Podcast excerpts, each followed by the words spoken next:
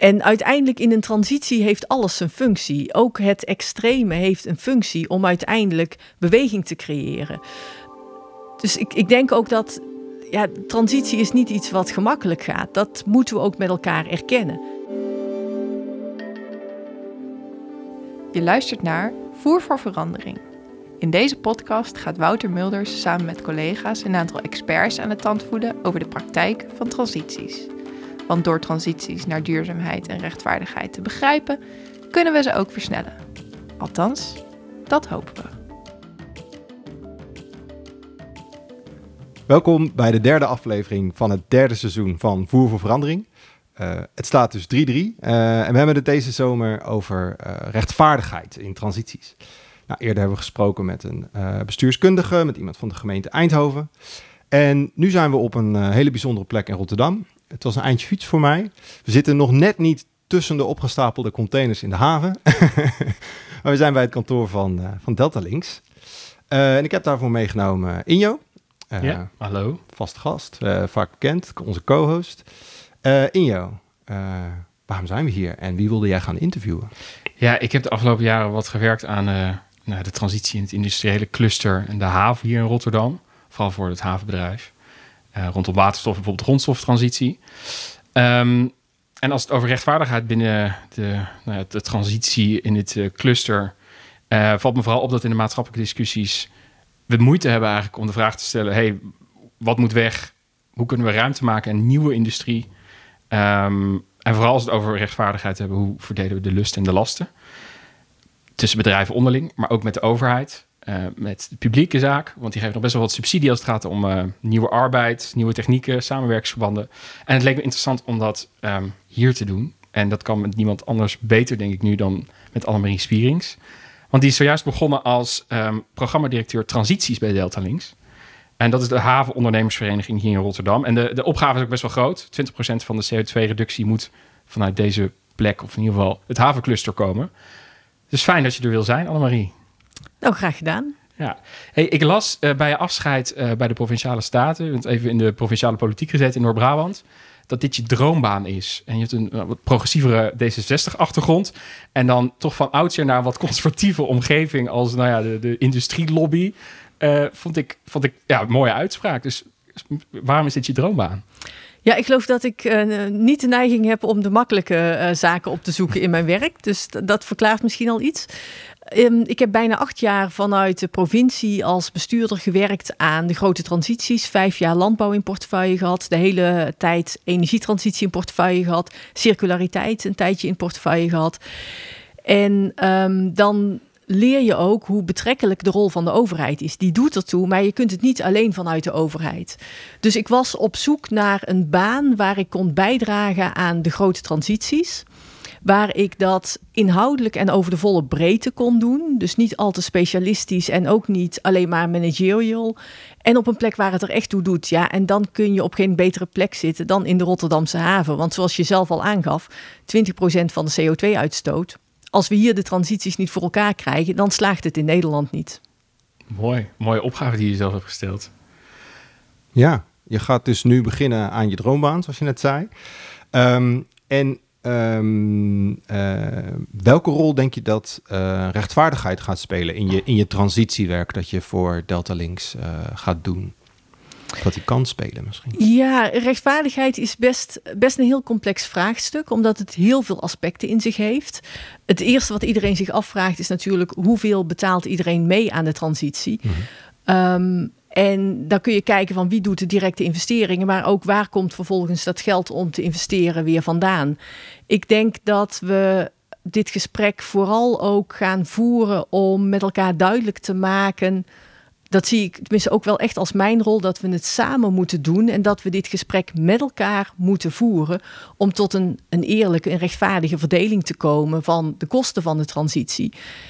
En als ik het zo schets, dan schets ik het eigenlijk alleen nog maar in een soort van Nederlands perspectief. Terwijl rechtvaardigheid heeft natuurlijk ook een uh, mondiaal aspect. Mm -hmm. En heeft zelfs een intergenerationeel aspect. Ja. Um, nou, ik denk dat ik al heel blij ben als we een goede dialoog kunnen voeren in Nederland, in de maatschappij en in de politiek over überhaupt het Nederlandse rechtvaardigheidsvraagstuk. Ja. Maar rechtvaardigheid houdt inderdaad niet op bij de grens. Zeker op een plek waar je met hele lange ketens werkt die over de hele wereld uh, uh, uitstrekken. Uh, je zei net, ik wil het gesprek gaan voeren. Heb je er voorbeelden van soort internationale partners of ketenpartners die je graag zou willen betrekken? Nou, ik zou het gesprek vooral ook graag in de maatschappij willen voeren. En eigenlijk ook het liefste um, tussen de partijen die nu het meest uh, gepolariseerd tegenover elkaar uh, neigen te staan. Mm -hmm. Waarvan mijn analyse na een paar weken is dat het ook wel te maken heeft met uh, de wereld van de ander onvoldoende kennen en doorgronden. En wie staan er dan zo ver buiten, buiten elkaar? Heb je nu al ervaren? Want je zit nou, hier ook letterlijk volgens mij net een paar weken. Ja, ik, ik denk dat het. Het voorbeeld wat heel actueel is in deze tijd, dat is Extinction Rebellion. Mm -hmm. uh, die zich op allerlei plekken bij de industrie uh, en ook bij de politiek overigens uh, vastlijmen, omdat ze daarmee iets willen bereiken wat dan vanuit politiek en industrie op zijn minst wordt de methode zeer discutabel gevonden. Maar ook wat nu mensen ertoe drijft om zo ver te gaan dat je je vastlijmt uh, op plekken die soms ook gewoon voor de mensen die dat doen uh, serieus gevaarlijk zijn. Ja, die verdieping die is denk ik nodig om beter met elkaar in gesprek te komen. Um, omdat we samen die transitie vormgeven en niemand doet dat alleen. En je kunt ook niet zeggen: het ligt alleen aan jou dat het niet beweegt. En we hebben het ook, je, ik vind het wel heel mooi dat je gelijk naar de vorm refereert. Van, nou ja, dat is al best wel chockerend misschien als je naar de inhoud kijkt daarvan, snap je dan waarom, dat, waarom ze dat doen? Snap je de inhoudelijke argumentatie die, die daarachter ligt? Ja, ik kan het vanuit beide kanten wel begrijpen wat, wat de, uh, de beweegredenen zijn om um, vanuit Extinction Rebellion om te kiezen voor behoorlijk vergaande methodes. Het, en waarom begrijp je dat dan? Um, omdat ik me ook vanuit mijn achtergrond, ik heb natuurwetenschappelijke milieukunde gestudeerd, um, redelijk heb verdiept in de grote milieuvraagstukken van deze tijd. En ik denk met name in de politiek me er ontzettend over heb verwonderd. Um, hoe lang wij milieuvraagstukken op hun beloop laten als maatschappij, als politiek, voordat we er echt iets aan gaan doen. En tegen de tijd dat we er iets aan gaan doen, is het bijna vijf voor twaalf. Um, en als je dan nu jongeren bent, dan zou ik me ook wel behoorlijk zorgen maken over waar het met die klimaatverandering naartoe gaat en wat dat voor mijn toekomst betekent. Ja, het zijn niet alleen jongeren gelukkig bij XR. Het, nee, het zijn niet alleen jongeren. Gelukkig zijn er ook heel veel mensen die zich zorgen maken over de toekomst van hun kinderen en kleinkinderen of überhaupt van de mensheid. En tegelijkertijd begrijp ik ook wel de kant van de industrie die zeggen van ja, wij kunnen ook niet van de ene op de andere dag om en wij doen al het nodige. Um, en de vraag is altijd, doe je genoeg? En ik, ik denk overigens dat iedereen zichzelf persoonlijk die vraag mag stellen. Doe je genoeg? En heb je nou het idee, nu je hier een paar weken rond hebt gekeken, dat er genoeg gebeurt? Um, soms, sommige bedrijven zeker. En andere bedrijven ligt het een stuk complexer. Soms willen ook de, de Nederlandse directeuren hier wel. Maar zit je met een moederbedrijf wat in het buitenland zit. Um, waar er politiek of inhoudelijk heel anders tegenaan wordt gekeken en ook de dynamiek in Nederland of in Europa slecht wordt begrepen. En als dan de grote investeringsbeslissingen vanuit het hoofdkantoor genomen worden, um, dan ontstaat soms ook het gevoel dat Nederland een hele onzekere plek is geworden om te investeren. Ook in verduurzaming ga je dan de vraag stellen van als in Nederland er toch een beetje naar de industrie gekeken lijkt te worden als iets wat we liever kwijt dan rijk zijn moet ik dan überhaupt nog wel investeren in Nederland? En dan zie je soms dat ook de investeringen in verduurzaming in het buitenland plaatsvinden en niet in Nederland in de industrie. Ja, je zou ook ergens kunnen zeggen dat um, dat misschien ook wel door de industrie zelf komt. Omdat er gewoon te weinig nou, ambitieus beleid wordt gevoerd vanuit de industrie zelf. Om te zeggen, hé hey jongens, hier zijn we mee aan de slag. Dit gaan we doen. Hier proberen we heen te werken. Dat is ook wel lang op handen gezeten hier, ook zeker in het Rotterdamse cluster. Ja, ik vind dat je dit altijd in perspectief moet plaatsen. Want iedereen heeft lang op zijn handen gezeten. Als je ook kijkt um, dat we nu nog gewoon nog op sommige plekken dubbel glas moeten plaatsen, dan denk ik ook dat je als woningeigenaar, of dat dat nu een particulier is geweest, of een uh, particuliere verhuurder of een woningcorporatie, heb je ook veel te lang op je handen gezeten. Als je kijkt naar het beleid, laat ik even teruggaan naar mijn provinciepraktijk toen ik in 2015 begon. Toen uh, handhaafde volgens mij geen enkele provincie op de energiebesparingsplicht van bedrijven. Ja, moet je dan de bedrijven verwijten dat ze niets hebben gedaan? Of moet je toch ook naar jezelf kijken dat je in je handhaving dit aspect gewoon nooit hebt meegenomen? En het heeft me een paar jaar gekost voordat we dat als provincie gingen doen. Dan zie je ook hoe hardnekkig het is. Dus ik denk dat iedereen te veel op zijn handen heeft gezeten. Dus ook de industrie, maar ook de politiek en ook gewoon de individuele burger. Ja, Ja. dus omdat eh, veel verschillende partijen lang op hun handen hebben gezeten, zei je van het voelt nu als een 5 voor 12. Eh, Extinction Rebellion noemden we net. Die hebben een hele duidelijke kreet een hele duidelijke eis. Stop fossiele subsidies. Zo stond het op de, op de snelweg. Jij zei net, eh zijn een paar hele goede voorbeelden eh, van, van partijen uit het, uit het netwerk van Delta Links... die echt op een andere manier ehm, eh, bezig zijn met, met industrie voeren. En dus misschien wel, nou niet aan die eis voldoen... maar aan bezig zijn iets te ontwikkelen... waardoor inderdaad minder afhankelijk worden van fossiele, fossiele brandstoffen. Kan je daar een, een, een voorbeeld van noemen van een van die partners? En mijn tweede vraag zou zijn, eh, bij degene bij wie het niet goed gaat, nou, je hoeft ze niet per naam te noemen, maar heb jij een verklaring waar het dan schort?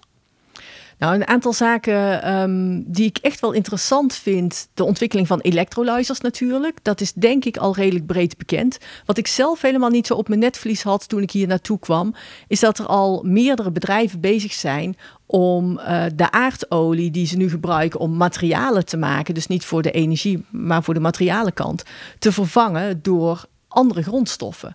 En dat is ehm, nog best wel een beetje zoeken. En dan reken ik overigens eh, benzine, diesel, kerosine ook tot materialen, tot producten die je verkoopt en niet je eigen energie-input. En is dan vooral plastic bijvoorbeeld. Eh, ja, ehm, nou, wat je eh, ziet dat soms wordt er gekeken naar de chemische recycling van eh, plastics. Daar waar je ze niet meer mechanisch kunt recyclen, kun je ze vaak nog wel chemisch recyclen en kun je ze via pyrolyseolie eh, opnieuw inzetten in gewoon je, je normale raffinageproces. Er zitten natuurlijk een paar stappen tussen.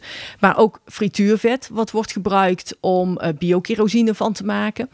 Ehm, dus dat zijn Kleine hoeveelheden nog wel. maar kleine, goed, kleine hoeveelheden, maar wel. Een aantal bedrijven wat daar heel serieus op inzet. Daarbij is overigens dan ook wel weer de vraag waar uiteindelijk de grondstoffen vandaan moeten komen als we dat op hele grote schaal gaan doen. En dat is een van de zaken waar we nu als Delta Links met partners mee bezig zijn, om ook dat uit te zoeken. Waar kunnen we de grondstoffen vandaan halen?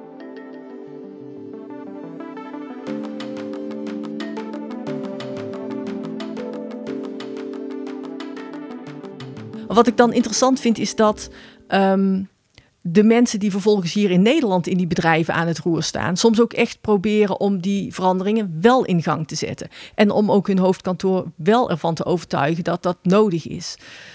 Ehm, en ik denk dat we elkaar daar kunnen helpen door een eh, veel duidelijkere koers te schetsen waar we in Nederland met die industrie naartoe willen. Ehm, door daar ook vertrouwen in te geven en door niet elk jaar opnieuw de regels aan te passen. En ik snap dat dat in deze fase nodig is, want we zitten nog met een pakket regels, wat overigens al stevig aan het veranderen is, wat stamt uit de tijd van voor de transities. Maar als je elk jaar met nieuwe regels komt, dan is dat voor bedrijven, geeft dat heel veel onzekerheid in investeringen. Ja. Wat je net zei van, eh, misschien staat het hoofdkantoor ergens in het, in het buitenland, maar ik ken genoeg mensen die bij, bij de Nederlandse tak proberen om de transitie aan te jagen of te versnellen. Ehm, dat sluit perfect aan mijn volgende vraag. Ehm, eigenlijk is de vraag gewoon, ja, hoe doe je dat? Hoe, hoe pak je dat aan? Eh, hoe kun je genoeg ruimte, eh, misschien in tijd of in geld, maar misschien ook fysiek ruimte maken in een, in een havencluster om die nieuwe activiteiten te ontplooien of om die koers te wijzigen? Terwijl je soms ook vast zit in het oude. Ja, Ja, ja. ik denk dat eh, de, de fysieke ruimte is sowieso een groot vraagstuk. Want dan moet je vaak toch binnen je eigen locatie gaan ombouwen. Er is hier nog wel ruimte in de haven. Maar tegelijkertijd als je ziet wat er aan plannen zijn. Electrolyzers, aanlanding wind op zee. En ook gewoon allerlei bedrijven die zich nog willen vestigen. Dan is ruimte wel misschien wel uiteindelijk het meest complexe vraagstuk. Fysieke ruimte dan. Fysieke ruimte, Ja. ja.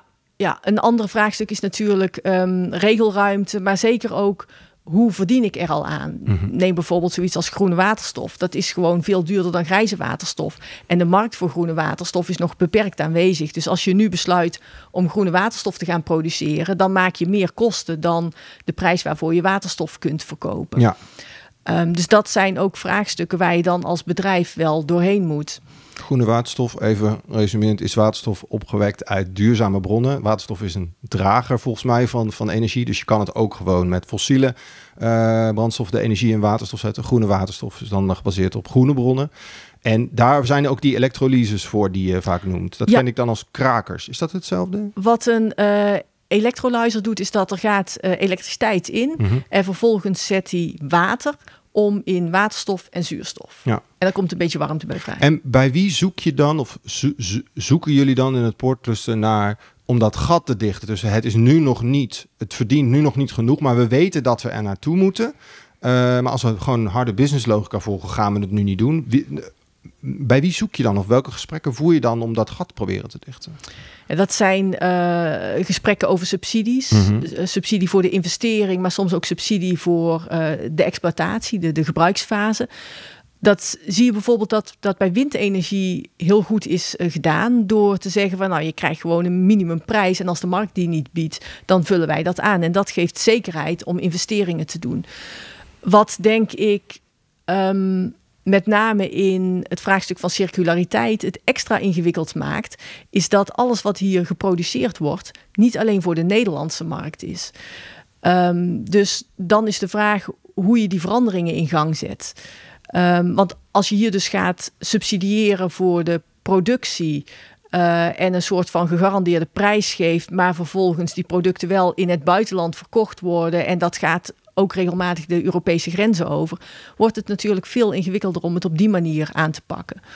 Um, iets anders wat je kunt doen, zeker als het nog om kleine hoeveelheden gaat, is aan de voorkant ervoor zorgen dat je een afnamegarantie hebt van een partij die wel bereid is om de, de eerlijke prijs te betalen voor wat je produceert. Ik heb uh, best wel wat waterstofdiscussies ook al gevoerd. Wat me vaak opvalt is dat er inderdaad gelijk over subsidies wordt gesproken. Um, en als we het hebben over ruimte, heb ik vooral het idee dat we vastzitten in de mentale ruimte. Dat we het allemaal vergelijken met um, nou ja, fossiele rendementen die we kunnen halen. In plaats van dat we kijken ook naar wat we in de toekomst willen, wat voor industrie we willen. Want volgens mij is het dan heel duidelijk dat we waterstof nodig hebben. Um, ook was wel gevangen in het, in het beeld van. We hebben echt ondernemerschap nodig, maar we zitten nog een beetje in dat oude vast. Dus hoe komen we tot dat nieuwe ondernemerschap? En we kijken al snel naar de overheid daarvoor. Waar komt de industrie? Wanneer komt het ondernemerschap meer uit deze hoek? Vraag ik me wel eens af. Ik denk dat er best wel wat ondernemerschap zit. En als je ziet um, wat voor hobbels bedrijven moeten overwinnen om bijvoorbeeld die electrolyzer voor elkaar te krijgen. En dat ze uh, soms de business case niet eens rond hebben. Um, dus in feite geld erop toe moeten leggen en toch vol blijven houden in al die ingewikkelde procedures die in Nederland door moeten, die er niet voor niets zijn. Maar het kost wel ontzettend veel tijd en doorzettingsvermogen. Um, dan denk ik dat daar best wel geïnvesteerd wordt in dit soort zaken. En, en bij wie dan bijvoorbeeld? Nesten of uh, andere partij? Um, degene die met de electrolyzers bezig zijn, de Shell en BP, maar Nesten zie je bijvoorbeeld op het gebied van circulariteit hele grote stappen zetten. Um, ja, en zo zijn er best wel, uh, bijvoorbeeld ook de containerterminals zijn volop bezig met kijken of dat ze, uh, voor zover ze nog op fossiele brandstoffen draaien, of dat ze dat kunnen elektrificeren, of dat ze dat vervolgens groen kunnen inkopen. Um, er wordt gekeken naar de aanleg van walstroom, wat met name lokaal heel veel positieve effecten heeft, omdat een schip wat in de haven ligt nog steeds energie nodig heeft voor de processen op dat schip. Dat doen ze nu gewoon door de normale motoren op fossiele brandstoffen te laten draaien. Dat zou je ook met elektriciteit kunnen doen. Maar dat vraagt hele grote vermogens. Uh, dus om die walstroom aan te leggen kost veel tijd en veel geld. En daar zie je nu de, op de eerste plekken waar het voor elkaar is. En heel veel bedrijven willen wel, maar zijn ook aan het zoeken. Wie betaalt het? Betaal ik dat als bedrijf? Of betaalt degene die, die dat schip in eigendom heeft, betaalt hij omdat hij die elektriciteit moet afnemen? Of is het misschien een voorziening waar het havenbedrijf voor moet zorgen? En welke rol speelt de overheid hierin? En omdat het nieuw is, gaat daar veel tijd overheen om dat Ja. uit te zoeken. En hoe kijk jij daarnaar? Van wie zou dat moeten betalen? Want ik, ik heb dit ook gehoord van bijvoorbeeld gewoon cruiseschepen die eh, aan de zuidkant van de Erasmusbrug aanmeren, maar gewoon eh, lekker veel uitstoten, terwijl de milieuzone vroeger in ieder geval aan de noordkant begon. Wie moet dat betalen? die antwoorden die zijn niet eenvoudig Nee. en die zijn niet zwart-wit. Ehm, en wat in mijn ervaring de beste oplossing is, is om met elkaar aan tafel te gaan, eh, je kaarten open op tafel te leggen en dan te kijken hoe je samen eh, het, het gat wat er is in geld, maar soms ook gewoon in wet en regelgeving of in hele praktische zaken, zoals gebrek aan elektriciteit omdat het eh, stroomnet vol zit, om dat op te lossen en om daar ook een goede planning aan te koppelen. Ik heb meteen een vraag ook nog. Een, als we het hebben over een andere dimensie van rechtvaardigheid, gaat het ook over erkenning en soms ook wel reparatie, zoals we dat noemen juist daarin, als we het over het gesprek hebben, zit er ook, uh, en zeker als ik dat merk bij Extinction wel, maar ook de milieubeweging, gewoon heel veel um, wrok. De industrie heeft zo lang eigenlijk niks gedaan en ook ontkend en zoveel geld gestoken in, en nou, de industrie over één kam scheren, maar vooral de olie- en gasbedrijven natuurlijk. Zo lang het tegengehouden om maar iets te doen en het actief tegengelobbyd. Ja, alsjeblieft met je rechtszaak, zegt Milieudefensie dan. Kun je daar dan ook wel een beetje uh, nou ja, um, begrip voor opbrengen? Of, of voelt dat, komt het dan vooral heel hard aan? Nou, ik, ik begrijp wel dat dat aan die kant zo wordt beleefd. Ehm, en uiteindelijk in een transitie heeft alles een functie. Ook het extreme heeft een functie om uiteindelijk beweging te creëren. Dus ik, ik denk ook dat ja, transitie is niet iets wat gemakkelijk gaat. Dat moeten we ook met elkaar erkennen.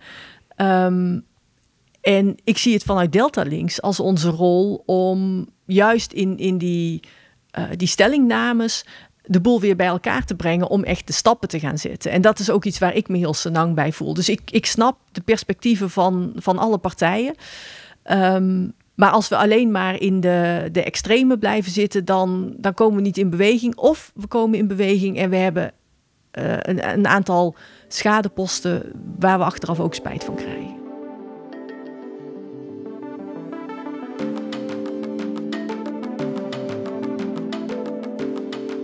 Injo, jij had nog een vraag.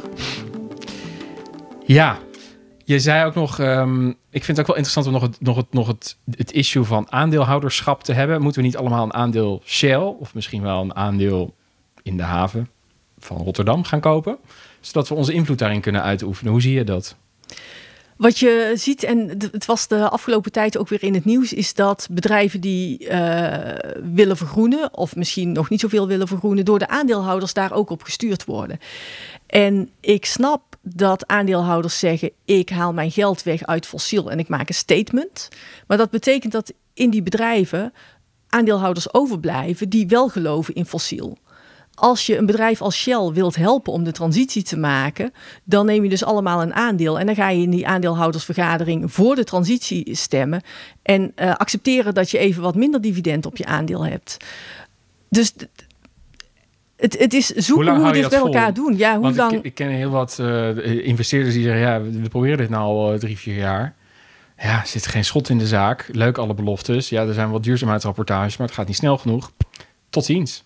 Ja, dat kun je doen. En dan hou je alleen maar de aandeelhouders over die uh, de fossiel um, nog wel een warm hart toedragen. Of, of ook wel in naar het rendement kijken. Ja, of alleen maar naar het rendement kijken. Of misschien wel geloven in de transitie, maar denken dat dat volgend jaar ook nog wel kan. En daar gaan de bedrijven niet harder van lopen. Dus als we uh, de bedrijven een zetje in de rug willen geven, dan zou ik zeggen: koop vooral een aandeel. Ga naar de aandeelhoudersvergadering en moedig ze aan om die stappen te zetten. En mijn, mijn ervaring in de politiek is dat. Um, de, de, mag ik het het luis in de pels noemen? Ja, zeker. Uh, dat woord gebruik ik overigens vaak met respect en niet uh, om, om daar iemand mee weg te zetten. Die krijgen vaak niet de credits voor de veranderingen die ze mm -hmm. wel in gang zetten. En dat zijn kleine veranderingen, maar dat zijn hele wezenlijke veranderingen. Ja, dus ik hoor je eigenlijk een oproep. Stel vragen, of het nou op een aandeelhoudersvergadering is... of misschien uh, in een vergadering ergens zelf in je boardroom... of waar je dan ook werkt. Ja. En wees de luis in de pels. Ik hoorde een, uh, een echo in uh, iets wat er eerder dit seizoen is gezegd. Uh, durf ongezellige vragen te stellen. durf ook ongezellig te zijn in gesprekken. Maar wat ik, de toevoeging die ik aan jou hier hoor, van jou hier hoor, is nadat je die kritische of ongezellige vragen misschien hebt gesteld, probeer daarna wel uh, partijen bij elkaar te houden om verder stappen te maken. Je kunt best wel constructief ongezellig zijn. Constructief ongezellig. en, en hou er rekening mee dat uh, als je antwoord nee krijgt, dat er mm. soms achter de schermen toch echt wel iets verandert. Ja. Ook mijn ervaring. En ook de oproep die ik hoorde, heb een beetje geduld af en toe. Ja, De transitie hou, hou duurt lang. vol en heb geduld. De transitie duurt lang. Wees ongeduldig en eh, in de zin van eh, blijf de vragen stellen. Ehm, maar weet ook dat je de effecten soms echt pas een paar jaar later ziet van de vragen die je hebt gesteld. Ik denk dat we dit eh, misschien over vier jaar weer een keer moeten terughalen. Als jij terugkijkt op misschien een paar jaar Delta Links en hoe het er dan voor staat.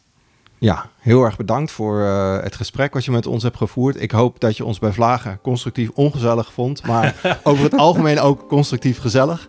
En eh, ja, heel erg bedankt voor wat je ons allemaal verteld hebt en het perspectief dat je hebt toegelicht. Graag gedaan. Veel dank.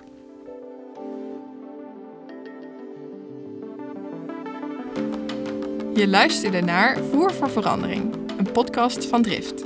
Wil je niks missen? Vergeet dan niet te abonneren. En wil je nog meer weten over transities? Ga dan naar drift.eur.nl.